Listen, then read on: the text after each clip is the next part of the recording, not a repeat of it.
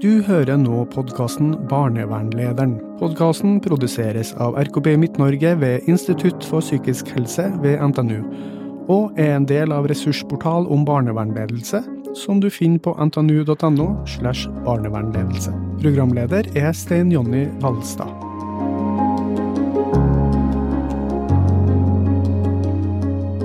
Du hører nå på podkasten Barnevernlederen. Navnet mitt er Stein Jonny Valstad. Og i dag så skal vi snakke om ledelse og ledere i institusjonsbarnevernet. Og da er vi så heldige at vi har med oss Bjørn Ivar Helland, som er leder på Ytrabekken ungdomssenter. Veldig fint å ha deg med i studio, Bjørn Ivar. Kanskje du kan starte litt med å si hvem du er, og hvor, lenge, og hvor lang erfaring du har ifra denne jobben. Ja, ja, som sagt, det heter jo Bjørn Ivar Helland og jobber som enhetsleder på Ytrabekken ungdomssenter i Mo i Rana. Vi er en del av Bufetat region nord. Eh, jeg har jobba 25 år på Ytrabekken. Starta som miljøterapeut, som jeg jobba i en 6-7 år. Så jeg har vært avdelingsleder i 14 år, og så har jeg vært enhetsleder nå i fire år. Mm. Det var en lang fartstid. Hva er det som gjør at du har holdt ut så lenge i denne type jobb? Nei, jeg har jo syntes at det har vært uh, veldig meningsfylt å kunne bidra til uh, barn og unge som har de utfordringene de har. Uh, så jeg opplever jo at vi er en organisasjon som på en måte har utvikla oss i en veldig positiv retning over mange år. Så jeg opplever at vi, vi mester å fortelle oppdraget, hvis man kan si det sånn. Det er, jo, det er, jo, fantastisk å ha en person som har hatt sånn lang erfaring, for da kan du jo stille ganske mange spørsmål også om utvikling. Hvilken type utvikling har du sett i løpet av de 25 årene i institusjonsbarnevernet?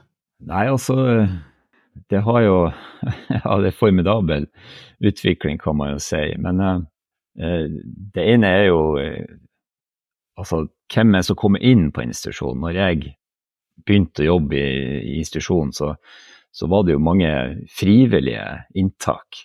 Min, altså mer frivillige inntak enn tvang.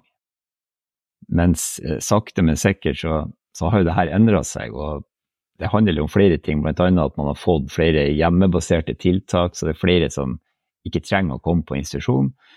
Men eh, også har vi jo denne målgruppedifferensieringa har jo ført til at vi eh, vi er en institusjon da, som jobber med atferd, sånn at det er mer spesialisert. Når jeg begynte, så tok vi imot på alle paragrafer. Det var akuttplasseringer, det var omsorgsplassering, og det var atferd om en annen, og, frivillighet, på en måte.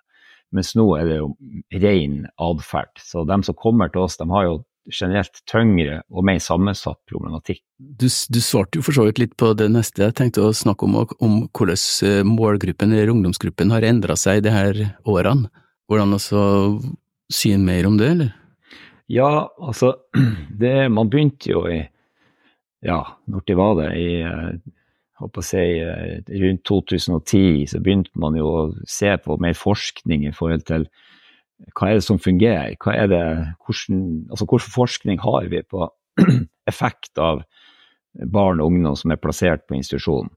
Og Ut ifra den uh, forskninga så kom man jo frem til at man skulle differensiere institusjonene, sånn at man håper å si, unngikk denne smitteeffekten som man så før, der man kunne finne på å plassere uh, ungdom som hadde rusproblematikk, eller med ungdom som var der pga. at de, ikke foreldrene kanskje kunne ta seg av dem like bra. Så, og da så man jo at, at man, eh, altså problematikken smitta over på dem som ikke hadde problemer i utgangspunktet, fikk mer problemer. Så denne differensieringa gikk jo bl.a. på det at man skulle unngå denne smitteeffekten, og dem som bodde på institusjonen skulle, skulle ha mer lik eh, ja, bakgrunn og problematikk, på en måte. Og mm. forutsetningene skulle være bedre for å ja, kunne, kunne gi hjelp. Det, øh, høy turnover er jo en utfordring innenfor uh, både det kommunale barnevernet, men også innenfor institusjonsbarnevernet. Og da når folk da holder ut i 25 år, eller som finner mening i 25 år, så blir vi jo også litt sånn opptatt av hva er grunnen til det? Ja, det er nok eh, mange grunner til det. og Det ene er jo at jeg har vært omgitt av mange gode kollegaer Eh, så, vi er mange i lag over mange år. Tidligere ledere, flinke folk som jeg jobber med, som, som, i lag har klart å få til det, her, det komplekse det er å, å drive en institusjon. Eh, og jeg tror nok at eh, skal snakke for min og Ytrebekken sin del, så har vi på en måte eh, vi har gjort noen rette grep på de rette tidspunktene som har gjort at vi, eh, eh vi klarer å beholde folk som eh, har lang fartstid, har høy kompetanse, flere videreutdanninger. De, de, får på en måte kommer i posisjon til å bidra med den kunnskapen de har. Og, og det her gjør at det blir en sånn ja, positiv synergi, hvis man kan si det sånn, der vi, vi, vi mester og får veldig stor trua på det vi gjør. Så Vi bruker å si det i forhold til ungdommer som kommer inn til oss, så, så får alle fremgang. Det er bare snakk om hvor mye. Og det er veldig sånn sterk tro på at det her får vi til, kort, kort fortalt. Ja, når du, tenker, når du ser det med riktige grep, da, hva tenker du på da? Eh, nei, Jeg tenker litt sånn ut ifra altså, hvor, hvor, er man som, som organisasjon? og Uh, altså, hva er, det, altså, hva er det lurt å prioritere nå? Det er Opp gjennom årene så har det vært utrolig mange gode ideer, både ovenfra, utenfra og nedenfra, hvis man kan si det sånn, i forhold til hva man skal prioritere. Og jeg tror at på Ytrebekken så har på en måte vi som organisasjon og ledelsen opp gjennom årene, vi har klart å, å prioritere det som vi tenker at vi trenger å prioritere nå. Eh, en av de tingene er jo det her grunnleggende miljøterapien, som vi kaller det for. At vi ikke gjør det for avansert. Altså vi, vi har tatt inn over oss lenge at vi må ha en grunnmur på plass for at vi skal komme i posisjon til å jobbe med de her hva skal jeg si, interessante bokstavmetodene. Det blir litt sånn som så, bruk fotball som en metafor. Hvis vi ikke vi har innsett at vi må få til støttepasninger godt før vi skal gå videre og, og uh, ha mer avanserte taktikker, hvis man kan si det sånn. Mm det, er jo, det, er jo, mange som er opptatt av kunnskapsgrunnlaget i, innenfor institusjonsbarnevernet. Og det er sånn sett interessant det du sier nå, da, med de her grunnleggende tingene for miljøterapi. Er det noe som dere har utvikla sjøl, eller er det som dere har fått utenfra? Altså, I utgangspunktet så var det noe vi fikk utenfra gjennom spesielt en, eh, en som har vært veldig viktig for oss, heter Erik Larsen, eh, psykolog og så skrev, skrevet noen bøker om miljøterapi. En av de få som egentlig har skrevet bøker om miljøterapi eh, på en eh, altså, hva skal jeg si, prak praktisk måte. Det kommer mange bøker i etterkant, men det er kanskje skrevet av veldig mange som ikke har jobba så nært på institusjonen. Så han var veldig viktig. Han skrev jo den uh, første boka si, tror jeg var i 1974. 'Fra avvik til ansvar', heter den.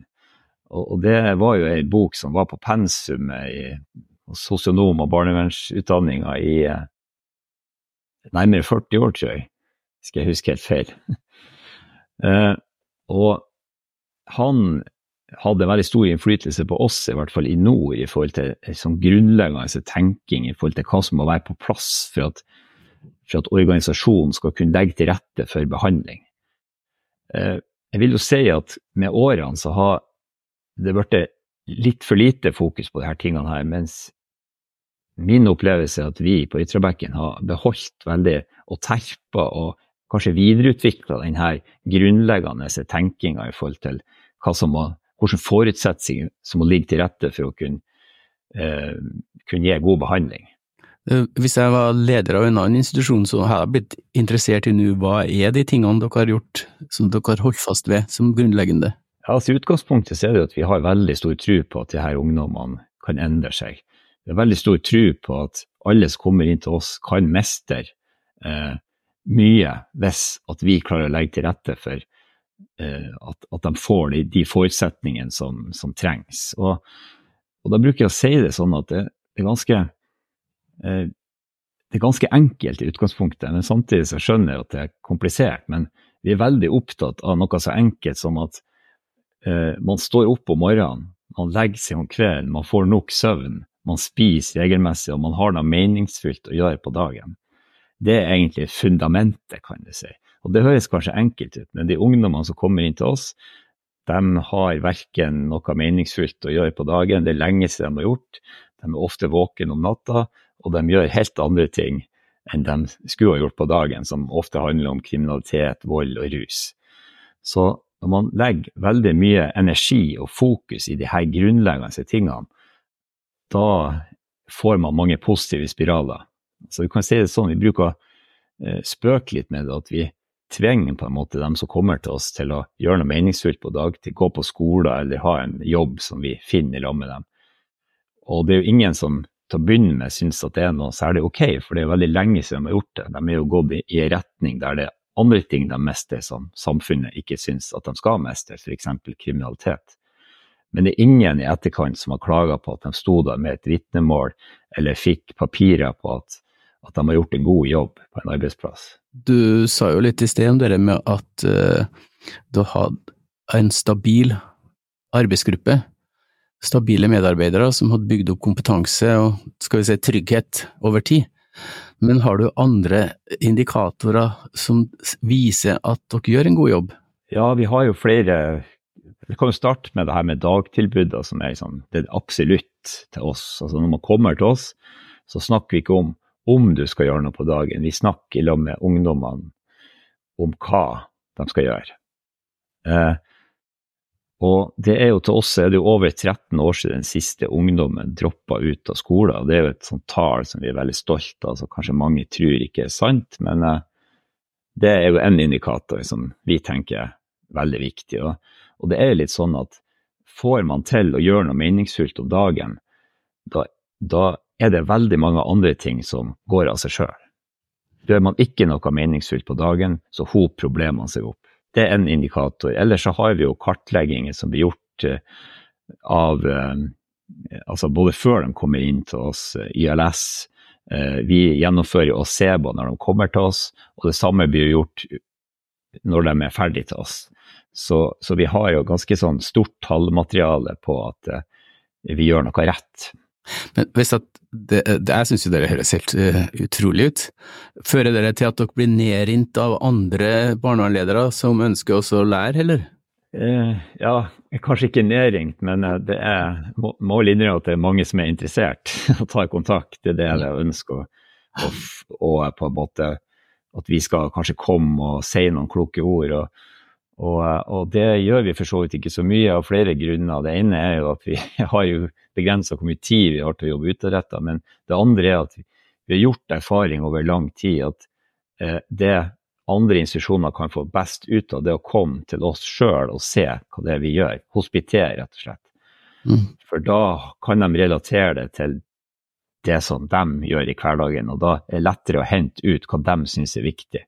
Det er vår erfaring, enn at vi kommer og forteller hva vi syns er viktig ut ifra der vi er. Det her eh, podkasten dreier seg om barnevernlederen, og institusjonsledere er jo i aller høyeste grad barnevernledere òg, eh, og jeg tenker litt sånn på hvordan får du påfyll sjøl som eh, leder i barnevernet?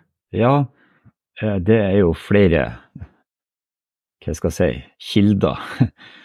Det ene er jo at jeg syns det er utrolig interessant å gå inn og følge med og se de her prosessene som vi jobber med i hverdagen. Så vi har jo laga et system til oss som jeg eh, vil si er ganske sånn tight i forhold til uh, hvordan vi dokumenterer ting, og hvordan vi er opptatt av sammenhengen i prosessene.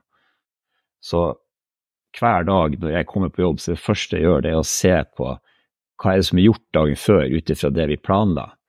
Og jeg er med på denne planlegginga. Så Eh, jeg hører ofte at man snakker om ukesplaner og månedsplaner, og det er vel og viktig, men til oss så jobber vi med her planene aktivt hver dag, og jeg er med på det, kan du si. Jeg er med i de prosessene. Så jeg opplever jo det her med at, at vi er, altså jeg som leder og personalgruppa er veldig sånn samkjørt. Når vi snakker om ting, så skjønner vi, vi bruker samme terminologien, og vi har laga en måte å organisere det her på som gjør at eh, det er veldig meningsfylt og givende for meg å se at vi, det går fremover, og se at vi justerer oss. Se at vi har laga et system både for personalet justerer seg sjøl, men også at jeg kan gå inn og være med og styre de her prosessene. Det er jo det ene. Ellers så vil jeg jo berømme også ledelsen som vi har her i Bufetat Region Nord. De har over veldig mange år satsa på kompetanseutvikling. Eh, de siste ja, hva skal jeg si, seks-syv årene så har vi jo jobba med OEM, som er en institusjonsvariant av dialektisk atferdsterapi, som, som, er veldig givende og veldig bra metode for ungdommene, men også eh, si, et viktig verktøy som gjør at det for personalet er meningsfullt å jobbe med de her utfordringene som til tider er veldig store. I tillegg så har jeg jo sjøl tatt en del videreutdanninger og, ja, og uh, kurser meg opp og er interessert i litteratur og faget, kan man si. Så jeg er interessert i den koblinga med teori og praksis. Det her eh, barnevernleder, eller lederrollen her, er jo ganske kompleks og inneholder veldig mange sider. Kan du si noen ting om det? Hvordan du opplever det? Ja, altså eh, Jeg vil kanskje trekke det litt tilbake til eh, et av de første spørsmålene du spurte, og det er denne utviklinga som har vært. Uh, og jeg ser jo at det er veldig mange institusjonsledere, meg inkludert, som får pga. administrative oppgaver, så får man mindre tid til denne praktiske ledelse. Altså det blir mer administrativ ledelse og mindre ledelse i praksis i møte med folk. Og det her opplever jeg at når jeg snakker med andre institusjonsledere, så er det veldig mange som kjenner på at de kommer ikke nok nært til å få led. De blir veldig byråkratiske og administrative. Du sa jo en gang at du var miljøterapeut for miljøterapeutene. Ja. Og jeg lurer jo på hvem er miljøterapeut for miljøterapeuten for miljøterapeutene? Ja. Mm. Altså Som leder innenfor sånne menneskeorganisasjoner som dette her er i aller høyeste grad, så er det mm. klart at det du gjør bra med dine medarbeidere, gjør de mm. bra med de brukerne ja. som er der.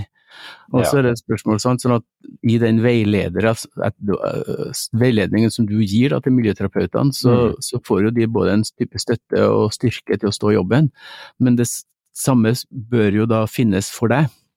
Ja. Det var, det, det var, derfor jeg prøvde med det her litt morsomme, da, med miljøterapeut for miljøterapeuten for miljøterapeutene. Ja, nå skjønner jeg.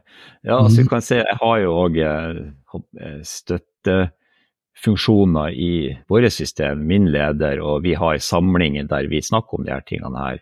Eh, vi har også et sånn eget konsultasjonsteam for ledere i nord, som er på en måte bygd på de samme prinsippene som de miljøterapeutene har. Konsultasjonsteam, det er jo Eh, altså en eh, veiled, gruppeveiledningsform som man må ha når man driver med dialektisk atferdsterapi, i vårt tilfelle OM.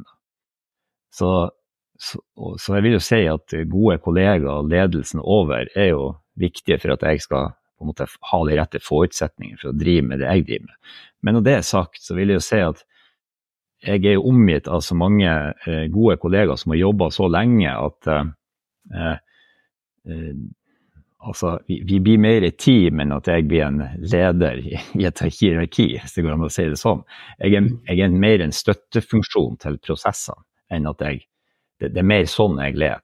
Bjørn Ivar, jeg har ikke noe all verdens erfaring med hvordan det er å være leder i institusjonsbarnevernet, men jeg ser jo at den rollen som institusjonsleder er ganske kompleks.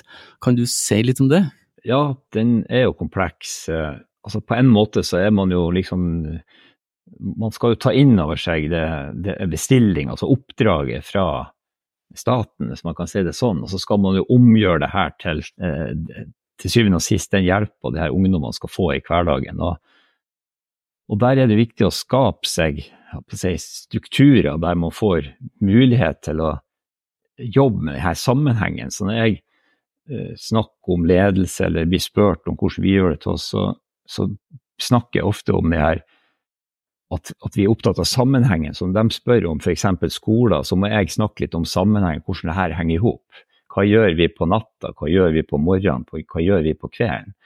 Og, og, og i denne kompleksiteten så har vi i hvert fall brukt det har vært en veldig sånn hva skal jeg si, inspirasjon og ledestjerner, hvis man kan si hjelpebegrep, så er det jo Aron Antonovskij sin altså, eh, i forhold til det her med salutogen tenking, altså de her begrepene om eh, meningsfullhet, begripelighet og håndterbarhet. Det er på en måte en sånn analyse som vi tar med oss helt ned til individnivå, men også på organisasjonsnivå. Så vi spør oss hele tida når vi diskuterer hvordan kan vi gjøre det her håndterbart i møte med ungdommene. Og hvis det blir bare veldig interessante diskusjoner der vi ikke får det her ned i trakta til noe som kommer ungdommene til gode, så må vi diskutere ting på en annen måte. Det har vært veldig viktig for meg og oss som organisasjon, vil jeg si, å håndtere denne kompleksiteten. Ellers er det jo liksom bevissthet rundt som altså Jeg har jo òg henta litt inspirasjon fra en gammel ringrev i faget, Isak Adise, som, som snakker om det her med eh, makt og autoritet og involvering, f.eks. Det er tre sånn eh, rundinger som går, går i ett. At man er bevisst på hvor er man. Og det er jo klart at det ideelle, tenker jeg, og, og det er jo veldig sånn eh, tro, altså i samsvar med den norske modellen, at, at eh, hvis jeg kan unngå å si ja og nei, så er det bedre at folk forstår hva de skal gjøre. Men samtidig så må man noen gang ta noen beslutninger, man må ta noen avgjørelser. Man må sette inn noen, uh, noen energi eller konsekvenser som da kanskje blir mer i forhold til det her med makt. Eh, og det her er jo, går jo parallelt med det som vi gjør med ungdom, at vi er bevisst på det. altså vi skal når vi skal motivere dem, så må vi jo snakke med dem og få dem til å innse at de trenger hjelp. Men, med, når du kommer på tvang en plass og i utgangspunktet ikke er motivert i det hele tatt, så, så er man nødt til å sette noe energi bak, som i dette tilfellet vil være makt, eller at vi er nødt til å si nei noen ganger. Og det her eh, sammenhengen mellom de her tingene her, det er jo med på å få jeg skal si, driven fremover i, i hverdagen, sånn at de her ungdommene da at det går fremover. De får altså Funksjonsnivået blir bedre, og de får det bedre sjøl etter hvert.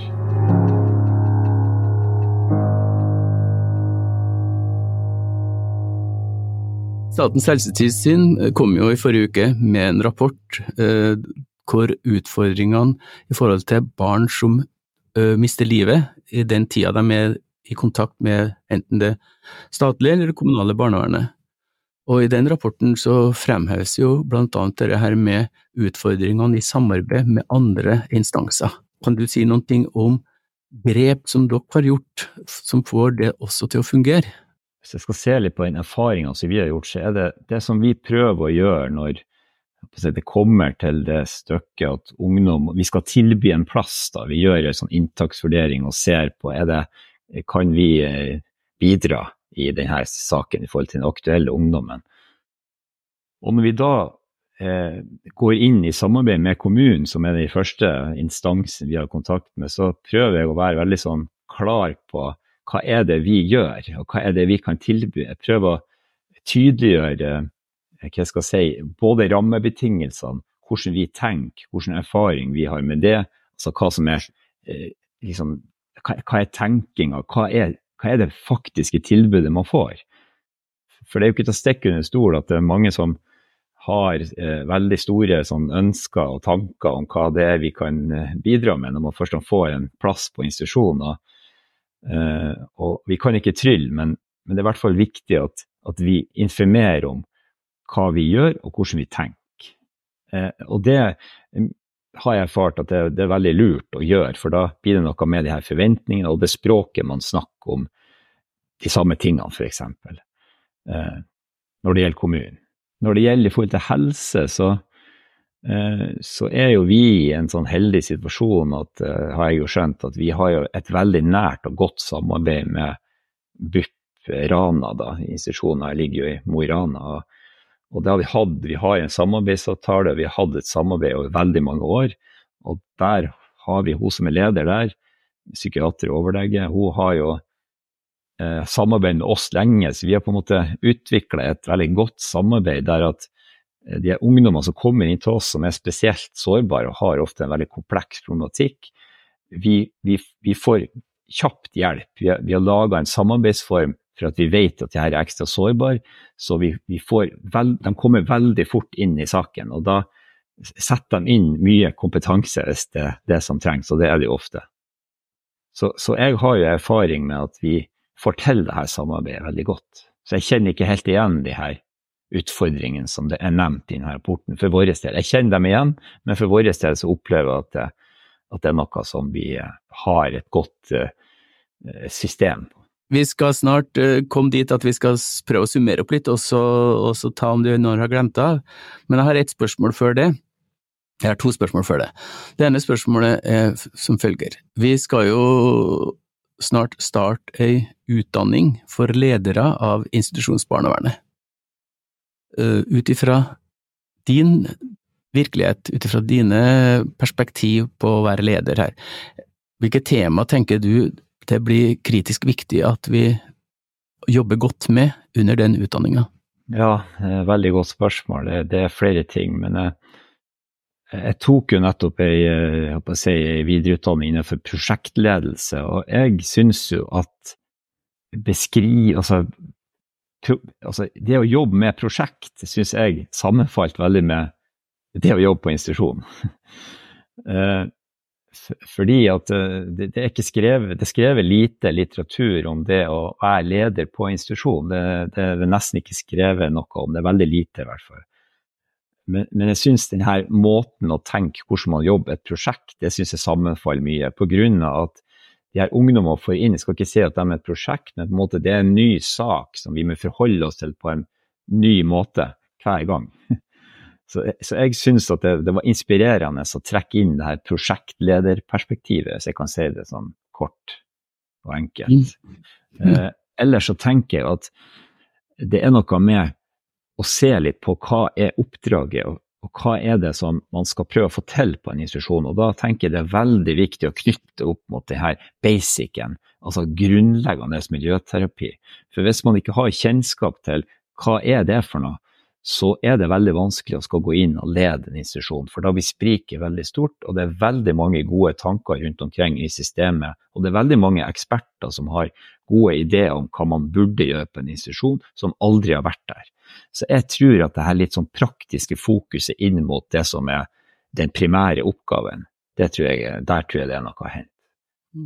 Ledelse av de som gjør de her praktiske oppgavene? Ja, hva trenger det? Og det er bra at du sa akkurat det, for det har jeg kjent litt på at uh, vi er veldig opptatt av selvfølgelig hva er det de her ungdommene trenger som kommer til oss, men det er altfor lite fokus på hva trenger de her miljøterapeutene som står i det. Det er en grunn til at det er en voldsom turnover. Og som leder så har man et ansvar der, så jeg skulle ønske at den, uh, det fokuset på hva trenger dem som jobber med de her ungdommene, hva er det de egentlig trenger? Og da sier det seg sjøl hva man må være opptatt av som leder. Det er et, et litt for utforska område, spør du meg. Hvis du, hvis du ser fem år frem i tid, hvordan tror du ting ser ut da, eller håper du at ting ser ut da, når det gjelder institusjonsbarnevernet? Eh, da tror jeg at man i større grad innser hvor vanskelig det her oppdraget faktisk er ut ifra den konstruksjonen man har laga. Og der må jeg jo bare skryte litt av vår ledelse igjen, det er ikke derfor jeg sitter her. Men eh, vi har klart å få gjennom noen forutsetninger for i forhold til hvor mange ungdommer har vi inne, og hvor mye personal har vi for å løse den oppgaven. Der er det et kjempestort potensial, for det er ikke til å stikke under en stol at det er mange som har store utfordringer med å håndtere den situasjonen man er satt til å håndtere. Og en av grunnene til det tenker jeg er at problemtrykket er for stort ut ifra eh, de menneskelige ressursene man har til å håndtere det. Der tror jeg vil se endring. Det er allerede starta. Jeg vil jo si at, at, vi er i en heldig situasjon her i Region Nord som atferdsinstitusjon. og er jo vi det eneste foreløpig, men jeg, når jeg snakker med andre regioner, så er i hvert fall mitt inntrykk av at eh, der må de gjøre noe så blir det vanskelig å håndtere situasjonen. Det har jo kommet nye kompetansekrav for eh, institusjonsbarnevernet. På en måte tenker du at det hjelper deg i din jobb som leder, og hva er det du vektlegger i ledelse av dine medarbeidere? Vi vet jo det at både motivasjon eh, er viktig, og kompetanse er viktig. Nei, for til det første du spør om eh, eh hva hjelper kompetansekravet meg, eh, det hjelper ikke, det er det motsatte. så fordi at eh, jeg skal prøve å gjøre en lang eh, si, forklaring kort. Og det er jo i barnevernsinstitusjon Norge i dag så sliter man jo med å rekruttere menn. Det er en utfordring over hele linja. Og det er jo sånn at det her kompetansekravet det er jo sosialfaglige utdanninger, vernepleiere, innenfor helse òg, sosialt arbeid og barnevernspedagog. Og der er det jo veldig få menn som går. Så når man lager et sånt kompetansekrav, og det så man det ble en veldig stor utfordring, så ble det enda, ble det enda vanskeligere å rekruttere menn inn i institusjonen som har annen bakgrunn, lærerbakgrunn, helsefaglig, eller kanskje rett og slett eh, fagbrev som ungdomsarbeidere. Og, og denne, det, for dem som jobber på institusjonen, så vet de det at denne balansen mellom menn og damer den er veldig viktig av mange grunner. Men kanskje når man ser i dag i forhold til det her med hvor mye si, ødeleggelser og branner som blir satt på, altså det er raseringer og ødeleggelser, så, så er man nødt til å ha ei personalgruppe som er nok robust til å både kunne blokkere denne type atferd, men også og samtidig kunne gi behandling. Altså Hvis du er redd og usikker, og ikke, eh, så har du nok med det sjøl. Og da blir det sånn som en klok leder av meg som jeg hadde før, sa da møter du sjøl i døra, og når du møter sjøl i døra, da, du vike, da har du vikeplikt. Og da, og da, blir det faktisk veldig vanskelig å kunne tilby behandling. For det sier seg sjøl at står man og er redd og usikker, og samtidig skal være verdens beste på å validere og forstå, det er veldig vanskelig. Uh, når det gjelder det her med, Du nevner det her med å motivere folk til å, på en måte, og, uh, til å stå i det her, som, som er, det er en tøff jobb. Uh, og som jeg sa litt tidligere her, at det skulle vært mer fokus på hva er det eh, personal, altså hva er det miljøterapeuter trenger for å stå i denne jobben. For Har man hørt mer på det, så har kanskje turnover vært lavere, som dessverre er generelt altfor stor.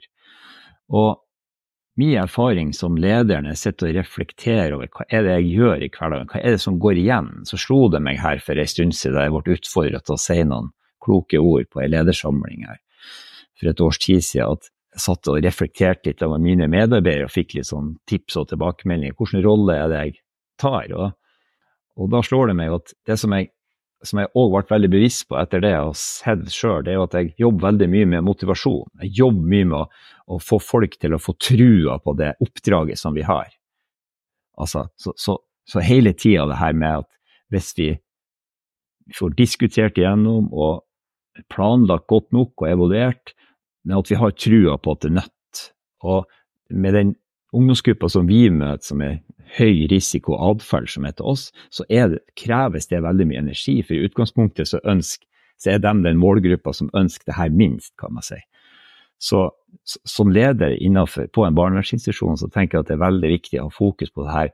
Hvordan klarer man som leder å bidra til å legge til rette for motivasjon. Jeg tenker ikke at man skal motivere dem, det kan man òg gjøre, men legge til rette for at det er motiverende å komme på jobb og gjøre den jobben man skal gjøre på en barnevernsinstitusjon. Tusen takk, eh, Bjørn Ivar Helland, for at du var med på denne podkasten om ledere og ledelse i institusjonsbarnevernet. Takk for at jeg fikk være med, det var veldig hyggelig. Du har hørt Barnevernlederen, en podkast som produseres av RKB Midt-Norge ved Institutt for psykisk helse ved NTNU. Den er en del av ressursportal om barnevernledelse, som du finner på ntnu.no slash barnevernledelse. I portalen finner du en samling av fagressurser innen viktige ledelsesområder i barnevernet. Produsenter for podkasten er Gunn Helen Wikan og Frode Fossvold Gjørum.